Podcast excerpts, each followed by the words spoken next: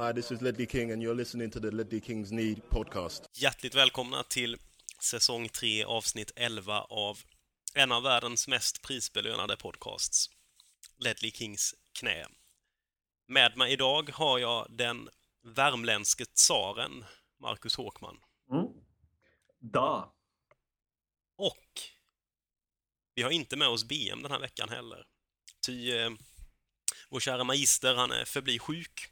Och eh, om det nu är det, jag vet egentligen inte, det, det är kanske bara en dålig ursäkt. Um, supporten BM. Ja, så är det förlusterna där, då vill inte han vara med. Nej, det är väl så. Ska se det. Nej, så fort vi vinner en match så kommer han vara tillbaka. Så vi ser BM i januari nästa gång tror vi väl nu. Om vi har tur så blir det så tidigt. Um, men vi har ju kallat in en ersättare här vid. Signade honom precis innan transferfönstret stängde egentligen. Det var en väldigt sen signing. Vi har med oss um, ingen mindre än, uh, vad är det du kallar det för? Schoolboys own stuff. Heter väl uh, den här lilla, de här krönikorna du brukar skriva på Svenska fans. Uh, vi har med det. oss Jocke Wallin. Välkommen. Tack så mycket. Tack. Om jag har Trevligt förstått... att få vara med. Det är trevligt att ha dig med. Om jag förstår det rätt så är det andra gången du är med va? Visst var vi, vi två var väl med ja, en gång i London? precis. Um, det var vi. Det var lite Ganska... mer kaotiskt då kanske. Eller nu vet jag inte hur det här kommer bli, men det var mera lösa förhållanden. Då. Det var en hotellbar va? Ja. ja. Det är riktigt. Det är ju där man gör poddar. Det här är ju det är en av mina favoritavsnitt just för att man fick det här levande ljudet. Man satt eh, runt det runda bordet, vi var många. Det var, jag tyckte det var en, ett härligt avsnitt på alla sätt. Eh. Mm. Jag, kom, jag kommer ihåg att eh, Per väldigt aktivt försökte motverka det här levande ljudet med folk som ställer ner glas för hårt. Mm. Tro mig. Hade jag fått bestämma, som jag, som jag inte fått, och det är väl bra att jag inte har fått det för guds skull, för då hade väl ljudet varit katastrof. Men jag hade velat spela in på pubbar och sånt där, ute på café, så vi får det levande ljud, men där blir jag nedröstad i två års tid. Uh, utav, vi får till att anordna något sånt, Håkman. Ja. Vi alla reser till samma ort någon gång och bara sätter oss på massa olika kaféer och går runt så under inspelningen. Går emellan pubbar, går mellan kafén. Går och badar en sväng kanske. Ja, precis. En hel dag.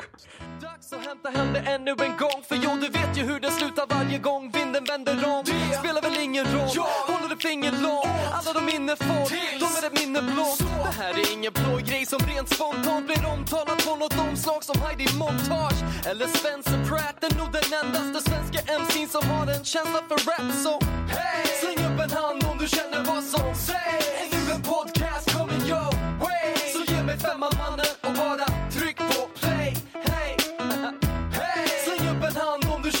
som sägs. Är du en podcast coming your way? Så ge mig femman mannen och bara tryck på play. Hey.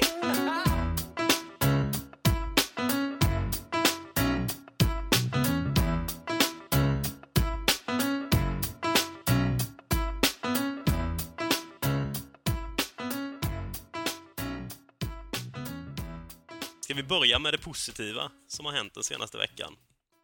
Eh, det var ju att vi lyckades besegra jättarna Asteras Tripolis med hela 5-1. Eh, vi hade ju inte något införsnack om den matchen. Det kanske var det som gjorde att det gick så bra för dem. Mm. Um, det är grejen som är nu. Vi spelade väl in samma dag som matchen var då, om jag minns rätt va? Ja, det är riktigt. Mm. Och det var ju... Eh, det var ju en match med många helt riktigt extrema händelser. Vi hade en eh, Erik Lamela som gjorde, ja, jag vet inte, hur, hur högt rankar ni det, det målet han gör? ja, vi lite om detta innan, det man kan ju se på flera olika sätt. Alltså om man bara ska se målet i sig är ju ett fantastiskt mål. Ehm, jag har ju knappt sett ett snyggare mål i Tottenham. Jag har ju inte sett ett snyggare mål i Tottenham 2014 och det är ju ett mål som säkerligen kommer komma med i det här Puskas, heter det va? Årets mm. mål i, på Fifa. Det bör komma med på en av de här tio, sen får ju personerna rösta själv. Eh, sen kan man kan tycka, bara för att balansera upp detta, som jag så gärna vill göra med någonting negativt, jag får inte vara för positiv. Då kan man ju undra varför han tar det avslutet där, varför han inte tar högern och gör det cirkusartisteriet som han ändå gör. Uh, och det, det, är också charmigt för det är ju honom på ett sätt. Han ska ju, han ska ju få frihet att kunna göra sådana saker. Men bara för att lyfta den motpolen. Jag vet det finns ju föräldrar i den här podden, allas pappa som också tyckte att det där var ett märkligt avslut. Eh, så jag, jag sitter ju inte ensam på den, här, i den där båten. Även om jag tycker nu återigen, bara betona så inte det blir ett ramaskrik, att det var ett fantastiskt på alla sätt. Jag, ehm, jag satt och kollade på en ganska taskig stream. Jag hade precis, eh, jag kommer inte sent, så jag hade precis fått igång matchen och eh, då ser jag att första som händer är att Lamela gör mål. Lamela, Lamela. Ja. Um, och ja, jag tycker väl, ja, men det, den sitter ju schysst. Han placerar den bra liksom. Och sen tänkte jag inte mer på det förrän i, i halvtid när jag såg tredje reprisen och att han skjuter ja, på det sättet han gör. Så att jag trodde att det var ett, ett vanligt skott. Liksom. Um, men det är ju, ja, vi kommer inte göra ett snyggare mål i år. Nej, det är, väl, det är väl tveksamt. Men å andra sidan så, när han gjorde det målet så var det nog inte många som satt och tittade på matchen som tänkte att det här kommer inte bli den stora snackisen efter matchen. det var ju faktiskt så att Lamelas bedrift blev åtminstone utmanad om att vara matchens händelse med en viss eh, Harry Hurricane som, eh, som släppte loss på allvar i, i andra halvlek. Um, Hattrick och målvakt och kapten bjuder då på en målvaktstavla också givetvis. Eh, det är ju liksom svårt att inte älska den här mannen. För, ja det, det är ju verkligen, det är ju Tottenham på något sätt. Eh, så oerhört mycket. Det är liksom show. Eh, det är som, det, som sig bör. Ja, det är ju fantastiskt. Den där kvällen han upplevde i torsdags. Harry Kane kommer han ju aldrig mer få uppleva. Han upplevde ju en hel fotbollskarriär som vi pratade om innan. På, eh, under 90 minuter. Uh, och jag måste säga att återigen, vi har varit inne på tidigare att Harry Kane har ju för två år sedan sa att han är max en League One-spelare. Uh, nu är han ju han har ju vuxit sedan januari månad, eller sedan februari månad någon gång när han började få spela. Och jag tycker nu att han egentligen nästan ska få en chans även i Premier League-matcherna så att säga. Om det nu är A-laget mer än Europa League-matcherna. Uh, ja, jag är imponerad av. Målvaktstavla också då. Återigen för att balansera upp det. Det är frisparken ska han ju ta. Ja, det får han faktiskt. Eh, nej, det känner jag med. Att han får hoppa in lite på träningar i mål, ja. tycker jag. För att om den här situationen kommer igen så måste han ju kunna göra bättre ifrån sig. Det är där han håller League One-nivå. Exakt, ja, det är det numera. Alltså, kanske får äta upp det också om två år när han tar de där skotten helt plötsligt och håller Premier League-nivå även där. Vad vet mm. jag. Jag När vi slutar ha reservmålvakt på bänken för Kane kan bara hoppa in i... Vad var det för lag? Visst var det ett lag som hade det? Var det, är det Phil Jagielka som agerade någon slags reservmålis? Ja, i Sheffield United. Ja, visst var det så. De hade inte reservmålvakt på bänken, utan de körde med... Det var på den tiden man hade fem avbytare, tror jag. Mm. Så de hade aldrig någon målvakt där, för de hade Phil Jagielka med. Så då var det liksom, blir målvakten skadad så ställer han sig i mål och så byter vi in en mittback istället. Och då när Neil Warnock tränade de då när de var uppe i Premier League det året med ja, det... Paddy Kenny och... Men det är ju den här gamla skolan, på tal om gamla skolan med konstiga målvaktsalternativ. Det var ju på tal om Harry Redknapp tog ju med två reservmålvakter i en match. När han körde både Pletikoska och uh, vem det nu var. Gomes va? Codicini, ja. Precis, och Gomes. Det var också väldigt märkligt istället för att ta ut en junior. Så den gamla skolan fattar konstiga beslut kan man tycka. Allt för, att lämna, allt för att lämna Giovanni dos Santos kvar i frysboxen. Ja, det måste väl ha varit det. Ja, det, det minns jag. Det var en jävla... Det måste ha varit en eh, demonstration och en fingervisning mot, mot Livia att han ville ha nya spelare. Den gode Harry. Eller? Ja, när man har, eh, när man har eh, reservmålvakter på bänken som totalt sett når sådär typ 60-65 år tillsammans så känner man väl att Ja, det fanns det verkligen inget annat du kunde sätta där. Ja, men liksom junior, vad som helst. Det är ju inte så att Tottenham inte bedriver juniorverksamhet. Det borde ha funnits någon, eh, någon där i runt omkring träningsanläggningen som skulle kunna få sitta på bänken. Få en sån upplevelse om inte annat. Men nej, nej. Pletikoska skulle sitta där. För det var väl han som var tredje målvakt då?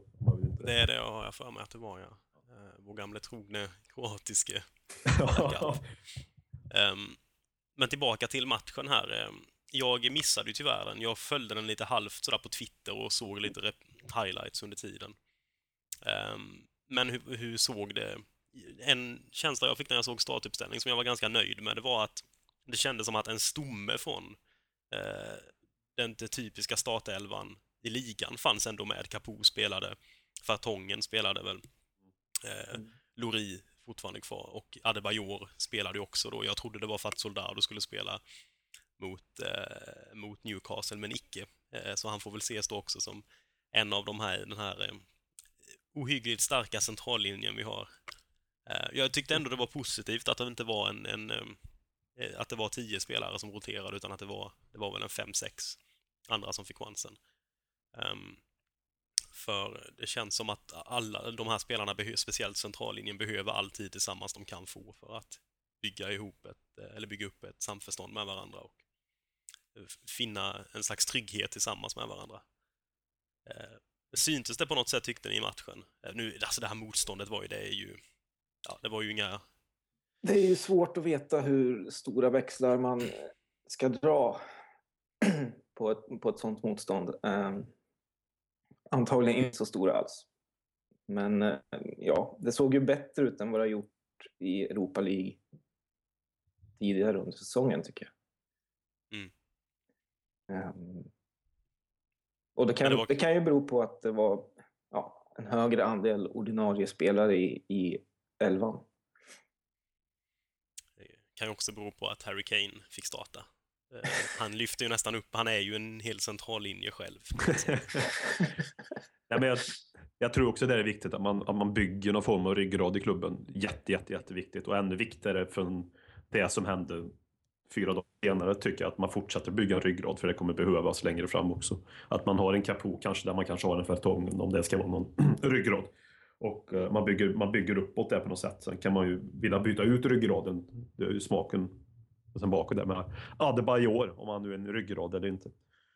Men jag ja, tror det är ganska krokig rygg i sådana fall tror jag. Så. Väldigt, väldigt krokig. Uh, och, men det, det, tror jag också är viktigt. Och sen visst, ja, fan, man kan ju inte göra så mycket mer än att vinna med 5 Oavsett vilket motstånd det är så tycker jag ändå en bra insats. De spelar bra och det, det, så mycket mer kan man ju inte göra. Något jag gillar apropå just 5-1 är ju att efter matchen så när de pratar med Pochettino så um, han fokuserar ju inte jag, jag, gillar det här trots att jag oftast är optimist som du vet Håkman. Eh, men han valde ändå att fokusera på, eh, inte på Lemelas fina mål eller Kanes hattrick utan på att han var förbannad på eh, försvarsspelet som gjorde att Hugo åkte ut och vi släppte in 5-1. Och det är lite lovande tycker jag på något sätt. Att han, trots en stor seger så står han och är lite vresig och sådär. Mm. Ja, men det, det, det, det, gillar man. Alltså, jag brukar aldrig, jag brukar nästan aldrig dra paralleller till det men jag vet Nanne Bergstrand i Hammarby, han är ju oftast när vi kan vinna med 6-0 mot Syrianska så sitter han med butter efter matchen nästan och säger det här var inte bra det här, vi kan göra bättre saker. Och min imitation på småländskan. Men alltså man blir glad när man ser att det ändå finns en... För det, det, det är psykologiska grejer där att man inte ska... Han, jag tror väl han känner att den här spelartruppen får inte bli för bekväm. Jag har ingen aning, jag drar den här spekulationen bara här och nu. Och att han kanske försöker pusha dem istället och ja, hålla dem på tå. Så att säga. Jag vet inte. Det gick ju bra.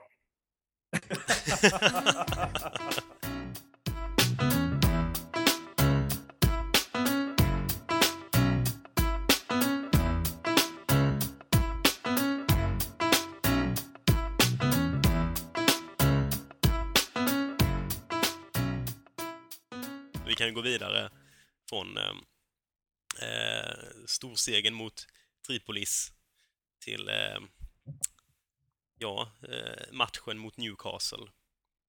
Ehm, en, en, en ja, helt oerhört suspekt match, måste jag säga. Jag har svårt att... Det kändes så oerhört tryggt i halvtid. Det kändes som mm. att det här är ju inget problem. Det, vi kunde gjort något mål till kanske i första, men det kändes som att det här kommer ju fixa sig. Det var lite nästan Queens Park Rangers-känsla, det man hade i den matchen när vi vann med 4-0. Att det kändes som att äh, vi är så mycket bättre, så det, det kommer det kommer lösa sig.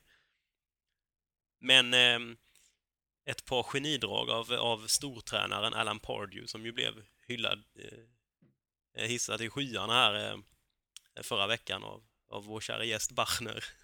Eh, han, han hade ett par S i rockarmen och sen så var det vänt. Eh, vad ska man säga om det här eh, 1-1-målet de gör? Egentligen. Ja, Eh, Talande tystnad. Jag vet inte riktigt. Eh, ja. Jag hann inte ens komma tillbaka och sätta mig, precis som Pochettino. Eh, äh, vi stod och sov, eller Dyer stod och sov, Mm. helt enkelt. Eh, och, ja. Jag vet inte, det är väl inget konstigt egentligen. Fem sekunder in på, på andra halvlek. Eh, men det är inte så ofta man blir straffad för det. Nej, det är väl ganska sällan ett lag drar igång en, en eh, avsparksvariant. Det är ju lite eh, Seman-fasoner nästan. Han gjorde väl det i, i, i Roma ibland, var det inte där det stod sådär sju, åtta spelare Ja, uppradade det, vid ja. mittlinjen och bara kutade mot mål vid avspark. Ehm, men så var det ju inte här. Det räckte ju med en, ehm, en eh, Amiobi som kom in och ja, eh, såg nästan ut som en, en Gareth Bale där ute på vänsterkanten. Ja, och mm, jag vet inte, Dyer såg ut som Richard Dunn. Minus självmål. Jag vet inte vad... Nej, Jag tyckte det var synd att det var just Dyer med, som- för det, det synte, man man märkte det på honom i resten av andra halvlek att... För jag tyckte han hade sett väldigt stabil ut i första. Och Ja, andra halvlek var nästan totala motsatsen. Och det, och det verkade som att det slog oerhört hårt på honom. Det, det känns som att hade vi haft ett alternativ, en annan högerback på bänken, så hade han fått hoppa in för det. Det kändes som att han helt tappade eh, momentumet där. Vad gör Ja. ja. Vedran, Vedran Shurluka?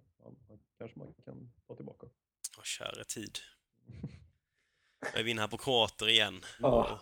Och, och, och, riktiga ytterbackar också. Oj, oj, Glädjande här är ju dock att nu att jag såg att eh, Kyle Norton är tillbaka i truppen inför morgondagens match. Mm.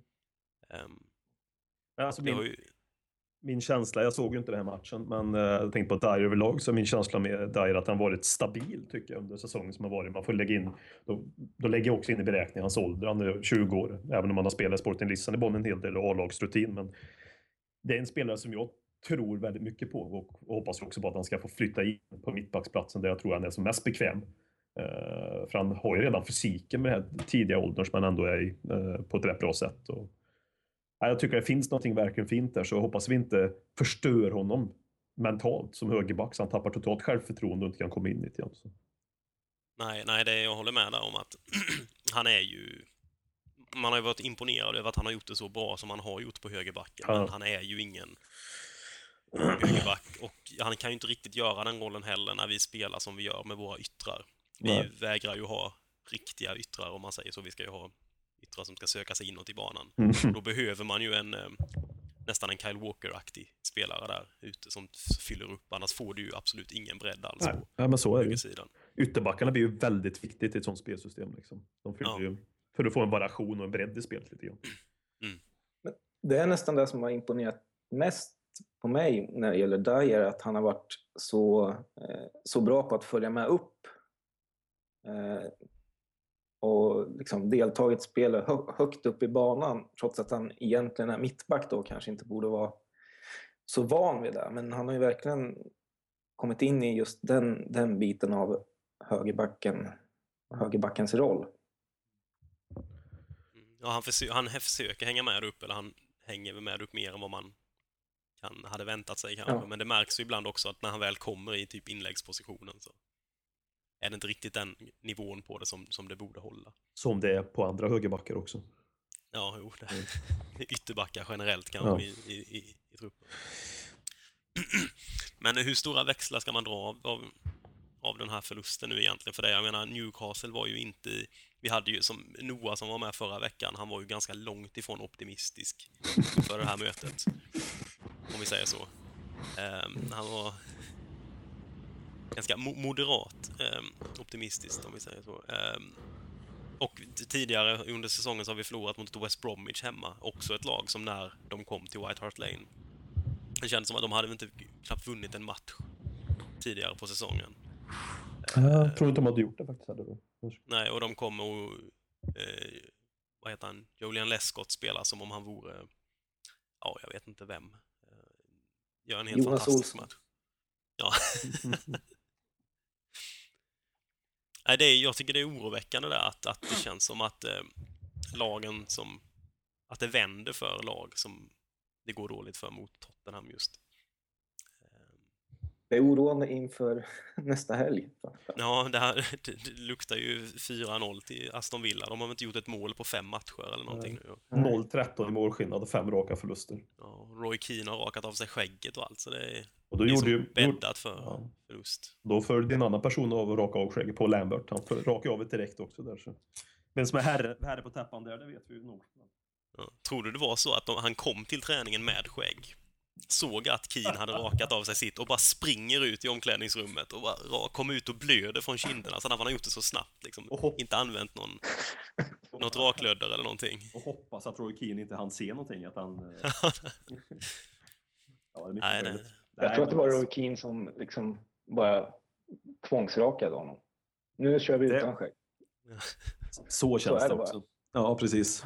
Tejpade fast honom med silvertejp i en stol Ja. och bara körde. Han behöver inte tejpa fast någon. Nej, han, han säger sitt. Ja. Han är som en lydig hund. Ehm, Han, han är Ja, nog men- världens minst andra tränare i mina ögon, Roy Keane. Det känns konstigt att han kan ta en sån roll som assisterande tränare. Nu kommer vi från ämnet igen, men nu pratar vi lite om Aston Villa ändå. så- Men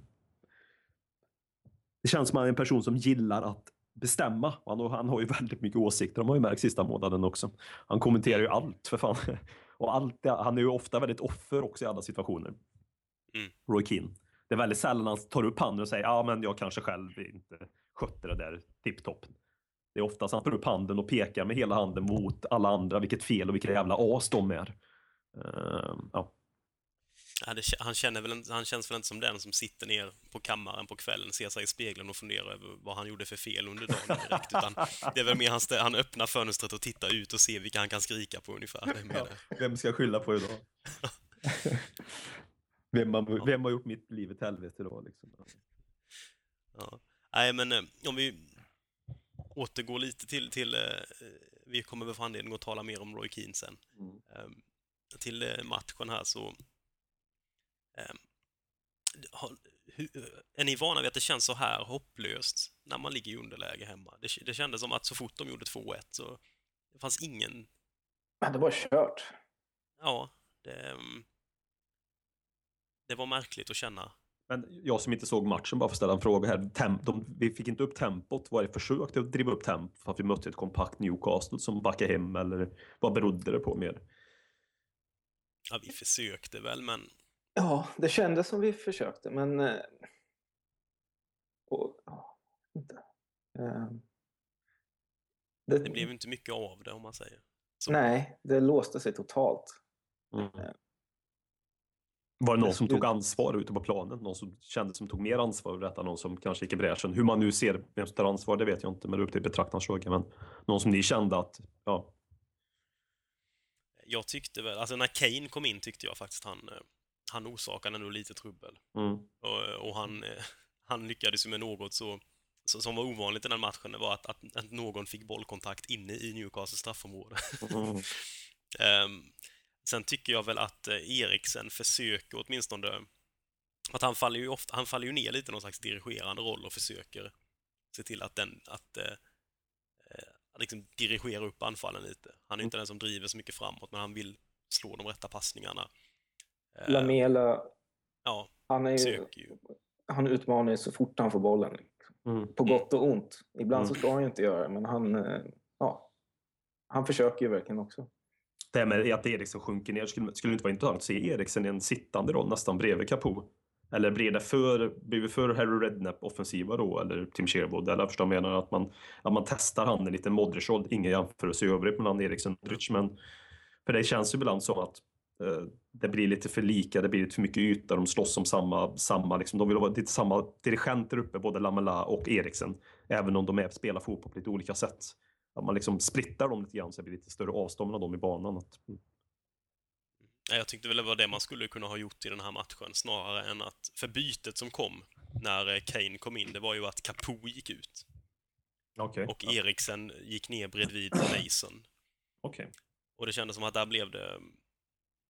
Det blev en märklig balans på mittfältet. För det kändes som att det hjälpte inte riktigt i att vi skulle etablera något spel framåt. Nej.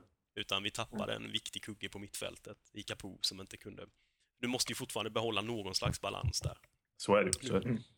Eh, och det kändes lite märkligt. Jag tyckte gen- överlag bytena kändes lite...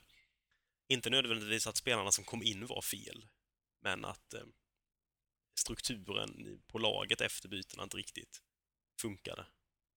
Och, Och- även att de kom ganska sent. Lennon kom väl in någon gång i 82 eller 83 minut eller något sånt där.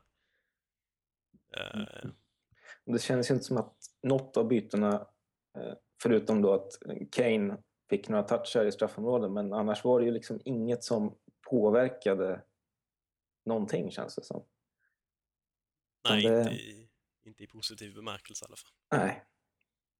Men det, kän, det känns lite grann som vi skulle kunna få vilken spelare som helst i Tottenham, i, i dagens Tottenham, och de skulle prestera. De skulle bli samma, inom citationstecken, gråa massa när vi presterar på den här dåliga nivån som vi gör. Utan det, det sitter ju någon annanstans. Men kvalitet på spelarna har vi ju. Liksom, det är ju Eriksen, det är Lamela, eh, det är Capo. Det, det är ju ändå fina spel. Det är nog fina spelare att kunna spela lite bättre fotboll än man har sett vissa matcher i år. Mm. Men Det Ja. var ju något som, eh, som eh, Pochettino var inne på efter matchen också, att eh, liksom problemet är inte ett taktiskt problem eller att spelarna är för dåligt tekniskt, eh, för dåliga tekniskt sett, utan det är ju att det är någon mental blockering, ett självförtroende som inte finns, eller att de måste jobba på det mentalt. Mm. Och det är väl om man ska se något positivt i det, så är det åtminstone att han verkar förstå det. Det finns väl säkert de tränarna som skulle gått ut efter matchen och svurit åt hur, hur jävla tafatt det var eller hur, hur viljelösa laget var. Men eh, han, det verkar väl ändå som han kanske har sett vad det är, eller han förstår vad problemet är och att det inte hjälper. Jag tyckte han var ganska insiktsfull ändå i sin, sina intervjuer efter matchen. Ja, eh, det håller jag med om. Ehm, jag tycker också att det, det märks ju att det är... Vi saknar ju ledare på plan, eh, tycker jag. Kabul har inte riktigt växt in i kaptensrollen än. Och eh, ja, om man kollar på de, de spelare som, som har lämnat klubben de senaste åren som har var på ett eller annat sätt varit ledartyper. Antingen sådana som skriker och manar på eller som, eh, som eh, genom hur de agerar på plan på annat sätt eh, leder laget. Så, så eh, är det ja, det känns som att det är där eh, vi, det är där vi faller just nu. Jag tappar ja, King, Dawson, Parker, Gallas, eh, van der Waart till och med Dempsey tror jag bidrog med jävlar anamma. Eh, Mm. Som, ja, det, det finns inte längre. Dempsey tycker jag hade en härlig sån där nästan klichéaktig amerikansk attityd. Svart blick. liksom- Ja, ja, men Ja. liksom fottet har inte fallit förrän den sista mannen har Nej. stupat ungefär. Det var, eh, han kunde vara den enda kvar på planen så hade han liksom försökt resa den amerikanska flaggan och löpa mot motståndarna. Ja. Eh, lite den attityden eh, som jag saknar ibland. Eller ja, det saknar man ju alltid, den attityden och nu kanske speciellt. Alltså, det känns som de, alltså, van der Waart var ju verkligen en sån spelare i mina ögon som växte i de stora matcherna och växte i de pressade situationerna som kom fram då och gillade nästan det, precis som många andra stora spelare kan göra. Jag tycker vi saknar den typen av, det känns som de gömmer sig väldigt många spelare ute på planen i de här pressande situationerna, att det måste vara någon som vågar ta ansvar. Sen det försöker vissa spelare, men ändå känns det som att det, det är den typen av ledarskap som jag personligen saknar, saknar mest i dagens lag. Alltså det här som mm, vågar och vara ledare där ute. Ja. Jag tror att det är eh, på samma sätt som att eh, spelarna måste växa in i, i eh, Pochettinos eh, system och så vidare. Eh, så tror jag att man får försöka ha tålamod även med, med eh, mentaliteten och att spelare växer in i sådana ledarroller också som de kanske inte haft tidigare. Och att man ja, man blir ett kaptensämne eller, eller kanske blir en lagkapten trots att man inte var den man fick binden från början.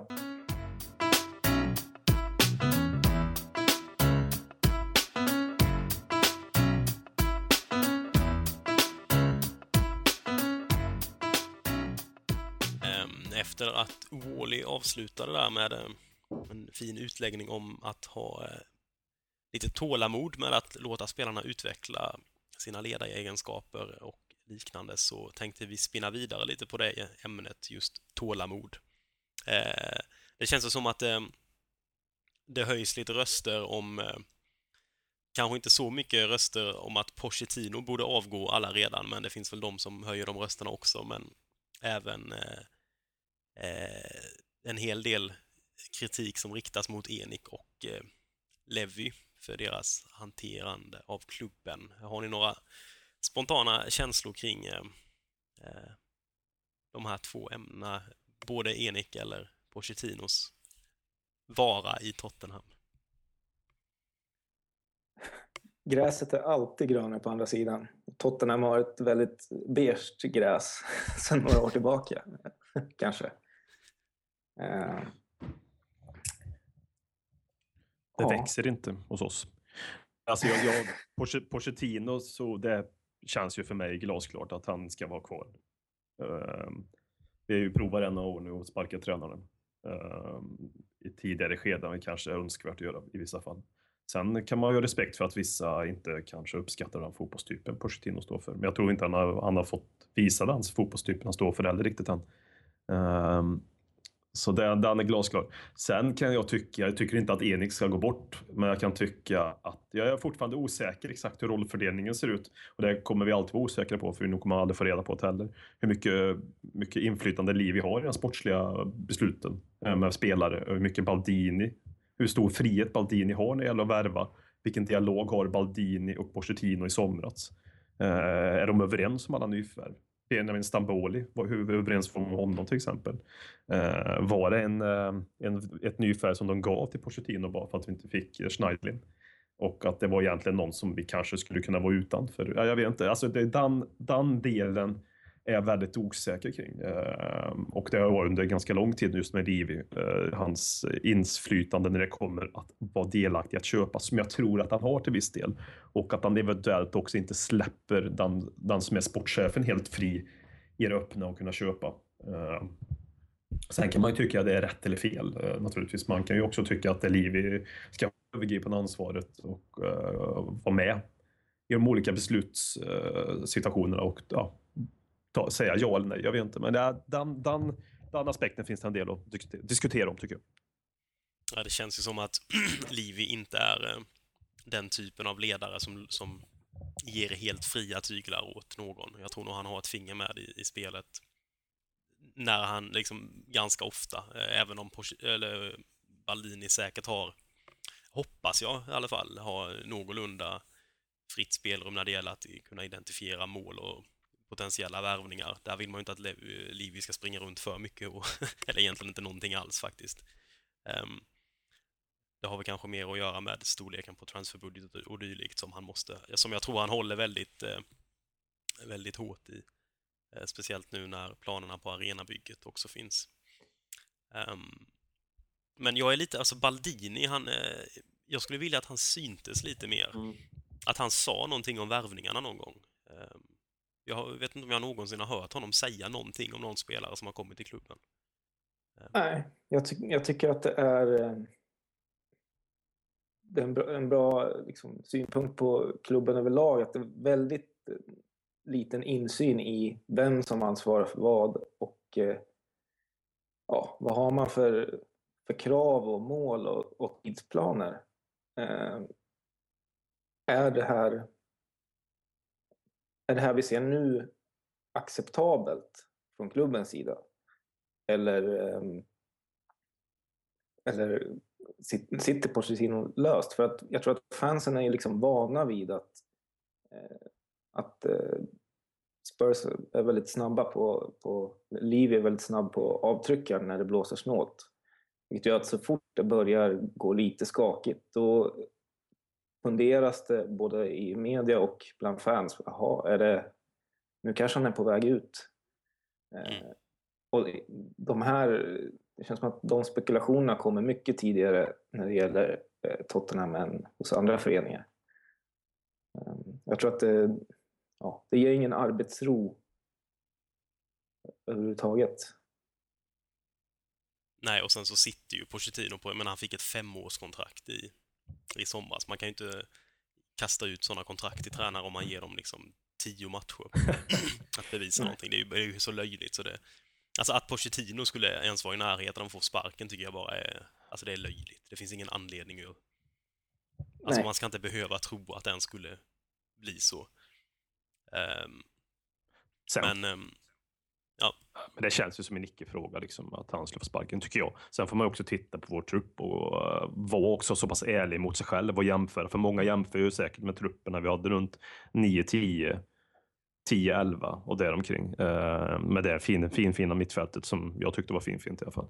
Uh, att man jämför med den och så kanske man ska titta på den här truppen och inse att uh, vi har 22 3 plus-spelare känns det som just nu i stort sett. Men vi saknar de där äh, top notch-spelarna som vi hade förut som gjorde skillnaden på ett större begrepp som Modric och Bale och van der Waart, de här som, ehm, ja, som vann matcher själva lite grann.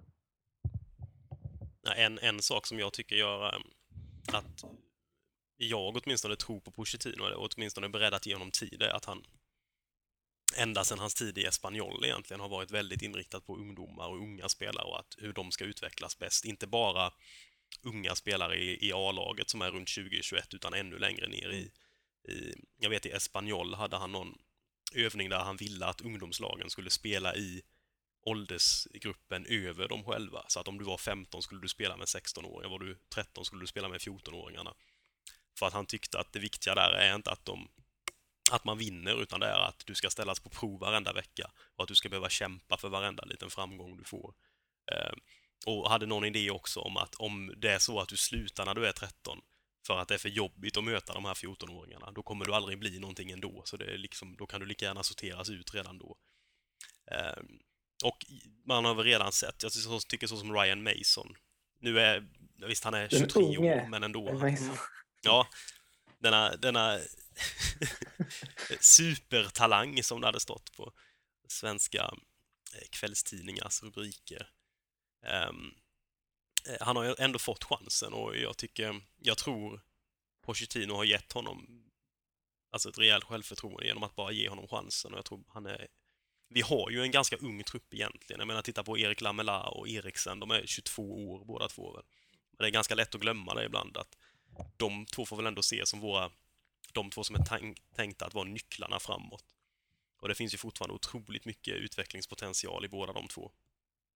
Eh, Erik Dyer är 20 år, det är också ganska lätt att glömma Mm. ibland, tycker jag. För han spelar väldigt moget för den åldern. Det finns ju mycket potential där med. Jag kan tycka lite ibland att de spelarna som borde ta mer ansvar eh, Hugo Lloris gör ju utan tvekan det i målet genom alla räddningar han gör och liksom hans sätt att vara på. Han, är ju, han leder ju på det sättet. Han är ju briljant i princip alltid. En Jan Vertongen hade jag ju önskat hade varit mer, eh, vad säger man, eh, han skulle leda backlinjen på ett annat sätt än vad han gör. Nu har väl det fallit på Kabul. Eh, eh, och jag vet inte om Kabul riktigt är spelaren som, som kan göra det jobbet. För han, det känns som att han har fullt upp med att hålla koll på sig själv ibland. Ehm, en, en annan är ju, jag vet inte om Capo kan bli det. Han är, han är väl inte heller så gammal, är han 25 eller någonting? Mm. Fartongen är, väl- det här är väl 27 och sådär. Det är, vi saknar ju- det är ju, Adebayor är väl den mest rutinerade av våra utespelare. Eh, och den är väl knappast den store ledaren, även om Pochettino verkar. Jag tycker det känns som att Capo har alla möjligheter att bli en, en av de ledargestalterna på plan. Eh, Jag tycker mig Mm. se små spår av det då. Han, han är i princip den enda i, i vårt lag som, som eh, någon gång tenderar att vara lite svinig mot andra spelare. Mm. liksom, eh,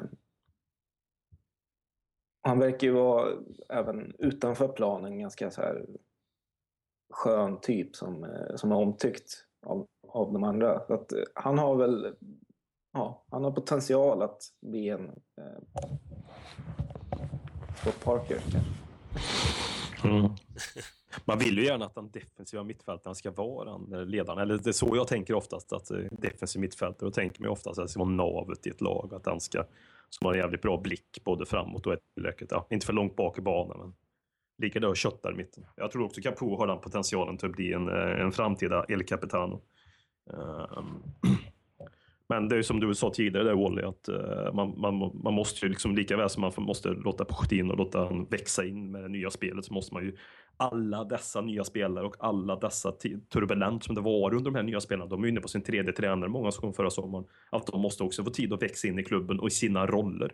För de har ju också haft väldigt upp och ner. Capo var ju borta för klubben i januari. Sen kommer han tillbaka nu får han spela. Så vart har hans huvud varit? Det är kanske nu först han känner att ja, jag är i Tottenham. Jag kommer vara här i Tottenham. Och, uh, jag tror också en, uh, ja, var jävligt bra sagt det tyckte jag tidigare. Just den aspekten. Vi har ge, ge liksom, dem tid så att säga. Vi har ju liksom börjat om så många gånger de senaste åren. Men förväntningarna, eh, i alla fall från fansen och kanske till viss del från, från klubbledningen har ju aldrig justerats i takt med, med att projekten liksom stannat upp och, och eh, startas upp igen. Utan vi har fortfarande, känns det som, förväntningar som hänger kvar sedan den där Champions League-säsongen för några år sedan. Mm. Med det fantastiska mittfältet och laget som vi hade då. Mm. Då, ja, det blir svårt.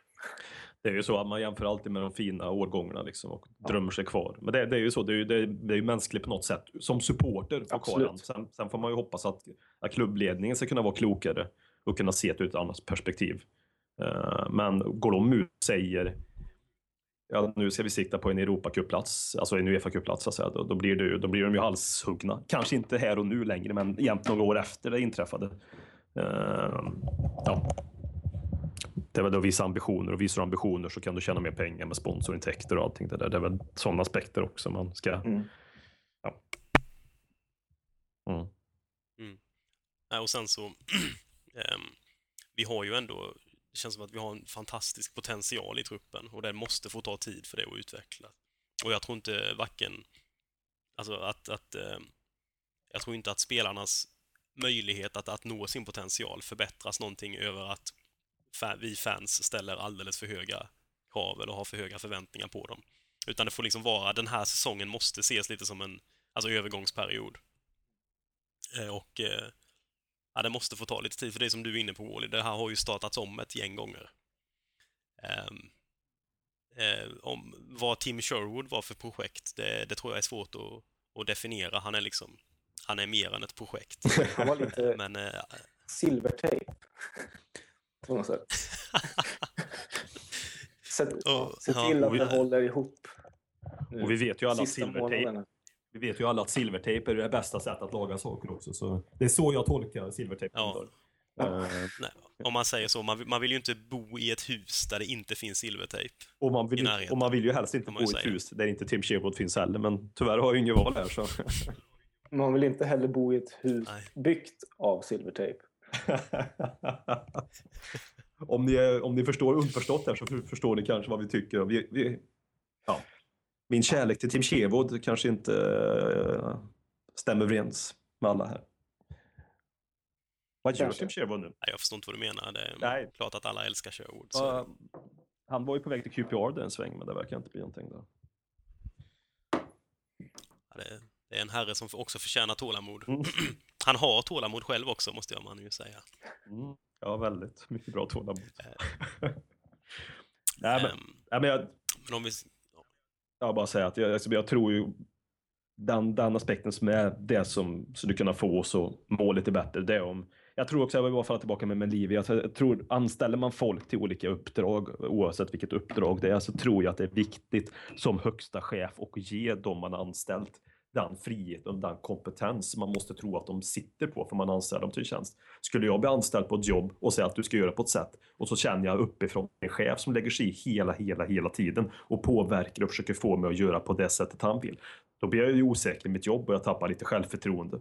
Jag tror också att det, nu säger jag inte att det är så i Tottenham, men jag, jag befarar att det är lite åt det hållet så att säga. Och jag tror att det är viktigt att man liksom litar på, sin, eh, på, sin, eh, på sina anställda som det rör sig om i detta fallet återigen, jag vet ju inte om han gör det liv eller inte, men jag, ja, jag tror man måste ha den, den uh, släppa det kanske eventuella kontrollbehov där som kanske finns på den stolen. Jag vet inte hur ni ser på den, hur jag lägger upp det på det sättet. Jo, jag förstår vad du menar. Det är ju ingen som, det är ju antagligen ganska få som, som presterar bättre av att konstant veta att om jag gör bort mig nästa grej jag gör så, Nej.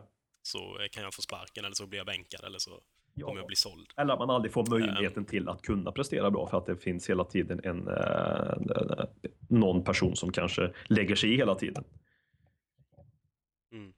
En, eh, en sak som jag tror kan göra att eh, det blir att, att, att Levi lätt söker sig till att kontrollera med och ställa högre krav och ändra snabbt om det inte funkar. Att det finns en rädsla för något som vi var inne lite på förra veckan, att de spelarna vi plockar, kan plocka in som håller liksom högsta klass i vårt lag är eh, antingen så är det unga spelare som inte riktigt, riktigt har slagit igenom helt ännu. De är liksom, har liksom fortfarande en liten bit kvar till att bli världsstjärnor. Eller de som redan har varit på toppen och är på väg ut för lite. Eh, Det kan ju finnas en, en oro för att om vi inte når dit vi vill snabbt så kommer de här Loris, Eriksen, Lamela, ehm, Harry Kane. Nej, Kane kommer aldrig lämna. Men alltså, de, de, alltså en sån som Eriksen och Hugo Lloris och Fertongen. Det måste ju, de måste ju vara tre, de måste ju ses som tre nyckelspelare på lång sikt också, e, även Erik Lamela. Och om man inte når dit man vill nå snabbt så kanske det finns en, en, en, en, ehm, en rädsla över att då kommer vi tappa dem och då står vi där igen och måste börja om. Ja, jag tror att eh, det, det ligger mycket i det och jag tror att det kanske handlar om, inte bara om spelare utan också bilden av klubben. Att eh, rent ekonomiskt så måste klubben alltid ge sken av att vara antingen eh, alltså väldigt eh, väldigt hög klass eller på väg mot det hela tiden. Och börjar det bli problem, ja, men då, måste, då vill nog Levi gärna visa att han är handlingskraftig och eh, ser till att eh, det här, snart så kommer vi eh, vara där vi förtjänar igen. Liksom. Och eh, ja, vara attraktiv. Ja, för, Mm. Genom att visa Nej, det gäller ju att man fortsätter vara det hela tiden. Ja, ge- Genom att visa ambitioner så är det väl säkert lite lättare att få vissa spelartyper också. Man visar att man är på väg mot nya spännande saker. Så kan man lättare få en Eriksen och lättare få en Mm. Hugo Lloris och de här. Så det är väl säkert en sån psykologisk aspekt i det hela också. Eh, Men jag är väldigt nyfiken på just på det här som, som jag sa, Benjamin Stamboli. Att, att, eh, ja, han håller kanske inte helt enkelt. Jag är, inte, jag är nyfiken på varför inte han får spela med. Det är, väl, det är väl ingenting.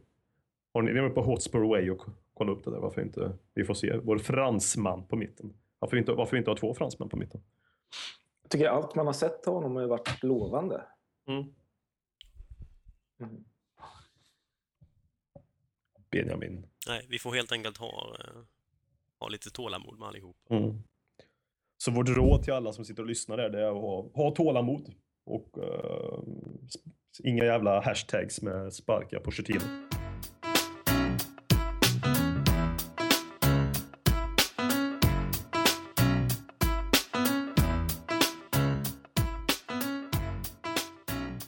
Ska vi ta och blicka framåt mot morgondagens, eller det blir väl dagens match till och med, för det här lär ju komma ut imorgon onsdag. Matchen mot Brighton i ligacupen och sedan på söndag så ska vi åka till Birmingham för att möta Aston Villa. Vad har ni för tankar kring de här eh, matcherna? Håkman, våran... Eh, Nej, just det, det är fan Wally som är våran eh, Brighton-expert. Så är det. Vi har, ju, vi har ju fått reda här på- genom via vår första Brighton-expert eh, Håkman att eh, Hyppie tydligen tränar Brighton. Mm. Och vem bättre att plocka in då för att analysera det här? De finska influenserna som Brighton trots allt lär ha. En Wally som ju bor i Eskilstuna. Som ju består nästan enbart av finnar. Så Wally, hur, eh, vad säger du om det här, detta Ja, det- finska Brighton vi kommer ställas emot? En tydlig koppling till mig där. Ehm. Ja, jag, jag vet inte mycket om Brighton annat än att Sam Hyppie tydligen är tränare. Eh, jag vet att, eh, att jag ser fram emot matchen eh, väldigt mycket. Det, Ja, det finns ju något skönt i att det kommer så mycket matcher nu som det gör efter Newcastle-debaclet. verkligen. Och Brighton imorgon. Villa på söndag. Sen är det väl... Är det inte två ganska täta matcher efter det också? Det är ju Uefa-cupen igen där som vänder. Ja, just det. Ja. Ja, vi älskar ju cuperna, säger jag. Jag säger vi, men man gör ju det. Eh, ja, men Br- Brighton är väl... Nu har de ju gått riktigt svajigt i år. De ligger precis ovanför strecket och föregående år, de är ju, jag tror nästan, tror de spelade playoff förra året, år innan det. De har ju legat på de platserna var och varannat år. och Topp sex i alla fall. Ehm, så det är ju en klubb som under Sami Hyppie inte har gått speciellt bra. Så jag vet inte hur länge han får sitta kvar på den där eh, Brighton-stolen. Frågan hur mycket tålamod de har där i Brighton. Ja, det kan man fråga sig. Men de, ja, det, är, det är ett lag som jag vet förr inom åren eh, har spelat en eh, passningsorienterad fotboll. Den här tiki-taka-stormen tog de, tog de sig an så att säga. Eh, och försökte applicera till, sitt, till sig själv och gjorde väl det ändå rätt hyfsat så att säga. Det känns Ehm. inte så som hippie-kompatibelt med tiki-taka-fotboll. Mm, nej, det, känns ju inte så. Sen eh, har jag inte riktigt koll på vad han spelar för exakt fotboll i Bayer Leverkusen. Han var där och gjorde ändå helt okej från sig i Bayer Leverkusen, eh, vill jag minnas. Eh, de har ju en spelare som man, eh, som man kanske eventuellt känner igen i den stora massan till och med. Det är ju Tom Inns, Paul Inns son, spelar i Brighton, som var i Crystal Palace under, under våren och utlånad under fantastiska, fantastiska, fantastiska Tony Pulis. Eh, eh, ja. Men det är väl en match vi ska städa av. Vi har ju gott självförtroende allt med också, så jag menar det. Pochettino har ju sagt att han kommer, förståeligt nog, rotera en hel del. Harry Kane och Andrews Towns- Townsend kommer ju antagligen spela. Townsend är en som jag, som jag gärna ser mer av. Ehm, Ja. Jag ser gärna mindre av. Men, ja. Nej, men det är en, lite det vi snackade om innan, om när, när det går lite motigt så är han också en som inte är rädd för att försöka i alla fall. Ja, han, förs- Han, han är ingen som gömmer sig från ansvaret i alla fall. han försöker Eh, ju och- alltid utan tanke. Ursäkta jag avbryter dig. Men alltså han, Ja. han, han borrar ju bara ner huvudet och springer. Han ser ju ingenting. Han har ju knappast någon vision eller någonting. Men jag håller ju med om att han, han har en, har en, eh, en framåtanda och att vilja komma fram i banan och det sticker ut lite ur den aspekten från övriga. Men vi har ju också Aaron Lennon. Men, men vad vet jag. Alltså det roteras en del och som vi har nämnt tidigare så är den fantastiska Kyle Norton tillbaka nu i, i, i truppen. Frågan är om han kommer spela mot Brighton eller om man s- sparar honom till Villa-matchen. Jag känner väl spontant som att han måste ju vara första val på högerbacken om han är frisk. Ja, ja. Ehm, för det känns, eh, det känns, ja, han måste gå före Dyer där ute. Det, det är väldigt skönt att han är tillbaka här i alla fall, tycker jag. För det, Ehm. för det är en spelare som verkligen som jag tycker har tagit steg de här få matcherna sett den i år under Pochettino. Eh, Norton. Jag tycker han har varit defensivt suveränt bra faktiskt. Det är- Ja. det är något jag 14-15. gillar med... med nå- något positivt med den här säsongen tycker jag är att eh, de två kanske mest utskällda spelarna förra året, Norton och Rose, har tagit jättekliv framåt. Alltså, det är väl ing, inga spelare som har, ja, möjligtvis Lamela som har eh, utvecklats så mycket sen förra säsongen. Lamela- Men i Lamelas fall så är det väl mer beroende på att han faktiskt får vara med. Alltså han har ju fortfarande, ja men han har ju fortfarande en, eh, eller vad man, ska säga, att han har ju en eh, han har ju fått mer förtroende från Pochettino med. Det var ju så under en tid att han inte fick spela förra året, så var det ju. Mm. Sen blev han skadad tyvärr. Men de här två som du säger, de spelade ju ändå ganska mycket förra säsongen. Eh, och fick ju mycket skit. Men det är väldigt kul att se. Danny Rose tycker jag med eh, har imponerat väldigt. Han har verkligen vuxit där ute. Eh, och har lite attityd i sig också. Lovande att se. Mm. Eh, Men annars, vad tror vi om Brighton ska vi ju bara... Det ska ju vara en 4-5-0. Ja, det vet jag fan. Jo, det ska det vara. Mm. Det borde vara. Ja, jag tror vi, tror vi vinner i alla fall. Städar av dem och går vidare till eh, vad jag tror blir det femte rundan eller fjärde rundan. Ja, någonstans där. I- den fina ligacupen. Ja, Vi har ju fått någon fråga, vi kan ju baka in det lite i, snacket här nu med eh, de frågorna vi har kvar, för vi har redan tagit en del av dem. mm. Eh, från ehm, eh, Pexom14 på Twitter som frågar om vi ska prioritera FA-cupen och ligacupen för racet för Champions League är kört, enligt honom.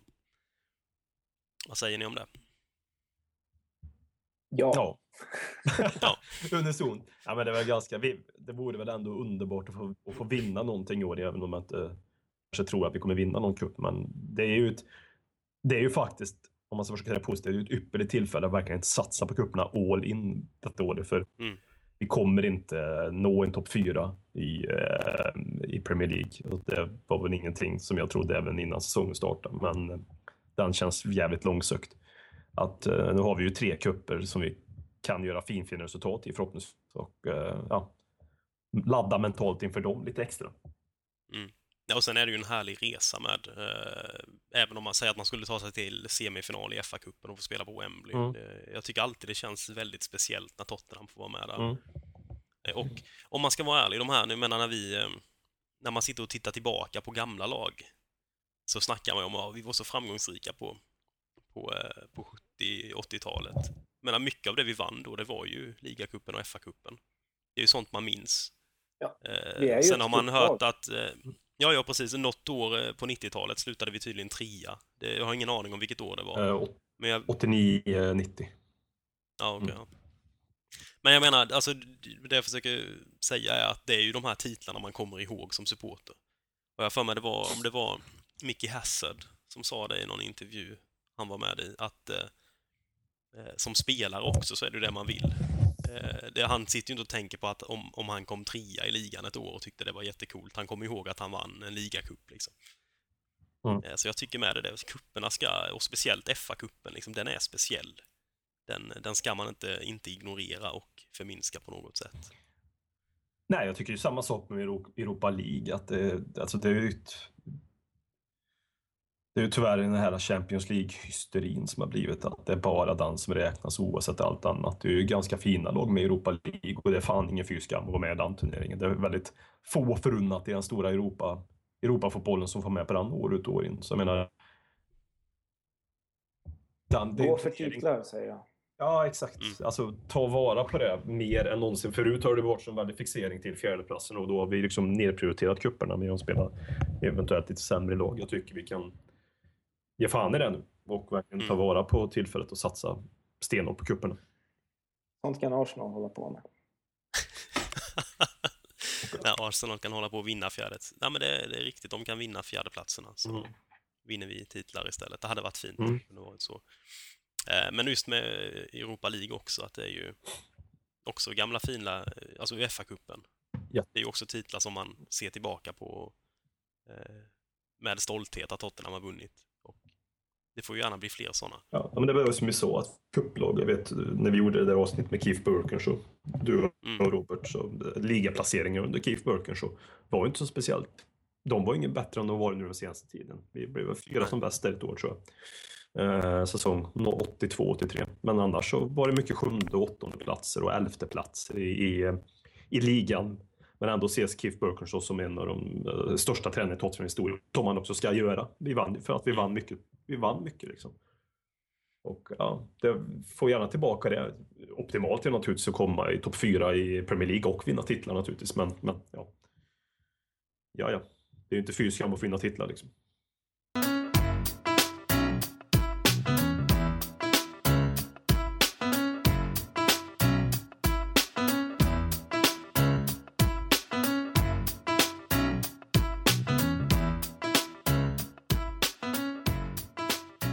På söndag så är det dags att eh, resa till Birmingham och möta eh, Håkmans favorittränarduo Lambert och Keen.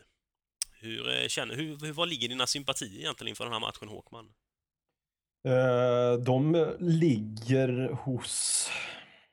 Jag vet inte. Pass.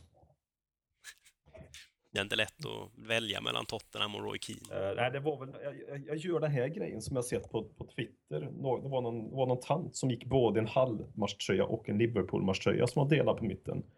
Var det både, jag kör en grej, jag kör en Aston Villa och en Tottenham-matchtröja som sitter ihop så att säga. Det var okej va? Håkman goes, ja, Det är väl okej. Håkman goes modern fotboll. Ja, precis. Den, den, Nej, jag såg också sån. Ja. Jag såg också någon sån bild på någon som var på eh, Chelsea United. Ja, du ser. Hade halva Chelsea, halva Ja, United. ser. Det är en ny trend som har startat. Där har vi det. Ja. Fan, det kan ju säga så att de, de kan ju elda upp hur många arenor som de vill i Sverige med bengaler. Det är, fan där, det är fortfarande där fotbollen dör. Det är när någon står i en Chelsea och United-tröja. ja, Det spelar ingen roll om de här eh, som Elfsborg vill få det till eh, mörda supportrarna från Stockholm och åker runt och bränner ner varenda jävla arena i Sverige. Det spelar ingen roll om så länge det finns liksom... Då är det här ett större problem. Att man går på en match och håller... Nej, jag, jag blir så trött. Jag förlorar allt hopp. Bosse Johansson. Mördarsupportrar från Stockholm i half and half AIK och Djurgårdströjor. Det var var. Mm. Mm. Notera att jag inte sa det också. Så, ja. Bosse Johansson. Ja, men det var väl det han sa, va? Det var AIK och Djurgårdare bara som... Ja, Mm. ja, för vi, eller vi, ja, det finns andra lag i Stockholm som inte spelar allsvenskan. Så. Men Bosse Johansson har inte seglat upp som någon större favorit efter det där uttalandet. Kan jag säga. Men, Om vi då går från Bosse Johansson till Aston Villa-matchen. Och Roy Keane igen. ja, Litet sidospår där. Ja, Wally, vad har du för tankar? Ehm, Villa borta. Fem raka förluster, inte ett mål på de matcherna har de väl? Mm. Benteke gjorde mål i mars senast. mm. Det blir tufft det. Jag tror att de är nöjda att eh, Spurs de möter nu. Eh, faktiskt. det är väl... Är det något lag man vill möta, man har fem raka förluster, så är det väl Tottenham. Eh, nu låter jag Håkman negativ, men... Eh, När det smittar. ja. welcome, to the dark side. Eh, Ja, jag, jag läste om, eh, jag vet inte om det är ett utdrag ur, ur Keens biografi eller om det bara var någon, någon kort intervju när han pratade om, om ett av Fergusons eh, eh, taktiksnack när, när de skulle möta Tottenham. Han hade kommit in i omklädningsrummet och så hade han sagt tre ord bara. Lads, it's Tottenham. Och sen gick han ut. Och det var liksom... Ja, andemeningen var väl att det är lugnt. Det här, det här fixar sig. Behöver inte prata så mycket. Eh, han kanske säger så. I helgen. Jag Ja, vet det, inte. det för, förklarar ju så hemskt mycket av ens känslor man hade när Tottenham mötte ett Alex Ferguson United. Man var alltid så uppgiven. Ja. Och det känns som att hela United var totalt motsatsen då. Det är inte konstigt att det alltid gick som det gick. Vi kunde leda med 3-0 i halvtid och förlora. Ehm. Nej, det känns väl som ett sånt läge också. För, för Kino att dra något sånt. Eh, Matt, ja, införsnack. Ja. Nej, jag vet inte, det, det känns så konstigt att, och det känns så jobbigt att behöva gå in. Man ska ju egentligen bara tycka att det här är ju perfekt läge för Tottenham. Och nu ska vi liksom studsa tillbaka. Men det känns ju snarare som att det är Tottenham som är det, det rebound team i Premier League. Liksom. Eh, West Bromwich, Newcastle. Är det third time lucky med Aston Villa? Så om vi får bli, så om vi får bli bettingpodden för säsongen så är det bara att gå in på all in på Aston Villa till, eh, till söndagen. Mm. Vad muntert det blev här nu. Ja, men Till och med stackars Wally har lyckats bli förstörd Ja, ja. och sitta här med... spendera en och en halv timme här så... Tappa livsgnistan totalt. Är den... Så Oh, kan vi ha? verkar inte bättre. Nej. Nej, men spon- om vi ska se rent eh, taktiskt eller uppställningsmässigt inför den här matchen, är det något ni känner sådär som ni verkligen vill ha ändrat i, i, i startelvan? Tror ni det kommer bli någon, någon ändring? Pochettino har ju varit ganska så konsekvent med eh, hur han ställer upp laget i eh, Premier League. Det är ju egentligen bara Fazio som har fått gå in någon gång av någon anledning. Ehm, Jag hoppas, vad tror ni? Blir det några förändringar? jag hoppas ju som vanligt på att Soldado ska få spela. Men det, ja, Mm. det är, min, Mm. det är min, min, mitt, min förhoppning, min tro är något annat. Så att säga. Det, Jag hade ju... eh, nu tar jag min egna fråga innan Wally får chansen, men du ska snart få svara. Eh, att jag hade velat se en Harry Kane i en av... På en av de tre platserna bakom eh, anfallaren. Jag tycker inte Kane ska spela där framme själv, men jag tycker han behövs på, på planen, för han bidrar mycket med att eh, liksom löpa in rätt i straffområdet och det är verkligen något vi behöver. Mm. Ja. Du, Wally, du vill väl trycka in Paulinho om jag förstått det? Eh, ja, jag, jag skulle gärna se honom. Men han kan få börja mot Brighton. Får vi se. Eh, Norton. Vad tillför Förstås. Paulinho i elvan tycker du? Eh, jag ty- ja, han tillför egentligen eh, bara en grej som ingen annan, eller inte så många andra tillför, tycker jag. Det är väl hans, eh, hans eh, vilja eller förmåga att ständigt eh, fylla på i straffområdet och gå på mål. Eh, det, nu har inte den förmågan liksom överglänst eh, hans andra förmågor som har gjort att det inte har sett så bra ut för honom. Så att, jag vet inte. Han är nog inget, inget namn för startelvan mot Aston Villa, men senare i, under säsongen kanske. Det var lite taskigt det där av er att dra ut mig på så här tunn is. Jag kommer få hatmejl. Ja. Vi kan skicka du är- klagomål till Robert Folin och Håkman. Ja, du är, men du är nog ganska ensam i Team Paulinho-laget, eller vad tror du? Det, det är inget, inget som trendar på Twitter direkt. Det är jag och En sådär justice for Paulinho. Ja. och Sandro tror jag är med. Brassevåg. Nej, men jag gillar det ändå. kanske det blir nu istället för Ja, Brandao ja, nu, ja, ja, nu eh, ja, Brandao Mattsson is out och Brandao Wally is in, så är det ju. Alltid brassarnas back. Ja. Ja. ja, men det, jag gillar ändå att se det. En, en, du får gärna fortsätta och vara, um, vara liksom snudd på sådär dumlojal mot Paulinho. Det, det, tycker jag. Det, det hedrar dig ändå att du, att du gör det. Det är så lätt att bara hata. Jag tycker det är fint att Wally väljer att, att, eh, att älska Det Paulinho. där, det där är faktiskt ett problem för mig. Att jag, eh, jag har antagligen lite för starka känslor för alla spelare som någonsin tar på sig en, en Tottenham-tröja. Jag, jag liksom har någon slags ryggradsreflex att alltid försvara dem, oavsett vad. Ehm, ja, det, det, det är svårt ibland. Kan jag säga. Det är ett, ett huvudbry. Eh, speciellt när de spelar som Paulinho gör ibland. Men å andra sidan, om man måste välja så är det ju hellre ett, en hel fanskara fulla med eh, Wallys än eh, en hel fanskara fulla med Pochettino outs. ja, jag hoppas det. Ja.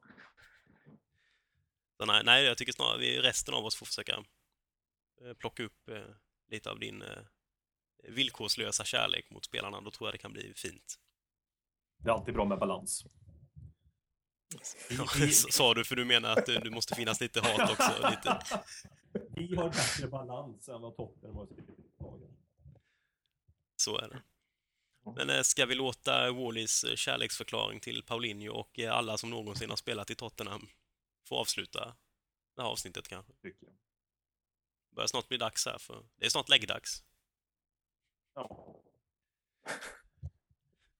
Ehm, ja, tack så mycket Wally för att du ställde upp. Ja, tack själva. Det var fint att ha dig med. Du får säkerligen hoppa in fler gånger. Ja, Eh. DN verkar ju ha, verkar ju ha gått vidare så att säga, eller dumpat er. Mm. Det var bara Ja, det, Eller så är det tvärtom. Vi vet inte riktigt. Kanske jag med lite så här rebound. Mm. Ja, vi, har ju redan gett dig hans smeknamn med Brandao här. Och, ja, nej, det, Ja, vi, Vi ringer den där dumlojala killen. Han ställer säkert upp. ja, Härligt. så ska vi säga så eller? Mm. Har du något, eh, några visdomsord att dela med dig av innan vi checkar ut Håkman? nej. Tack och hej! Dags att hämta hem det ännu en gång För jo, du vet ju hur det slutar varje gång vinden vänder om. Det spelar väl ingen roll, håller ett finger långt Alla de minne får, de är ett minne blått. Det här är ingen blå grej som rent spontant blir omtalat på något omslag som Heidi Montage. Eller Spencer Pratt, är nog den endaste svenska MC'n som har en känsla för rap. Så hey! släng upp en hand om du känner vad som sägs. Nu en podcast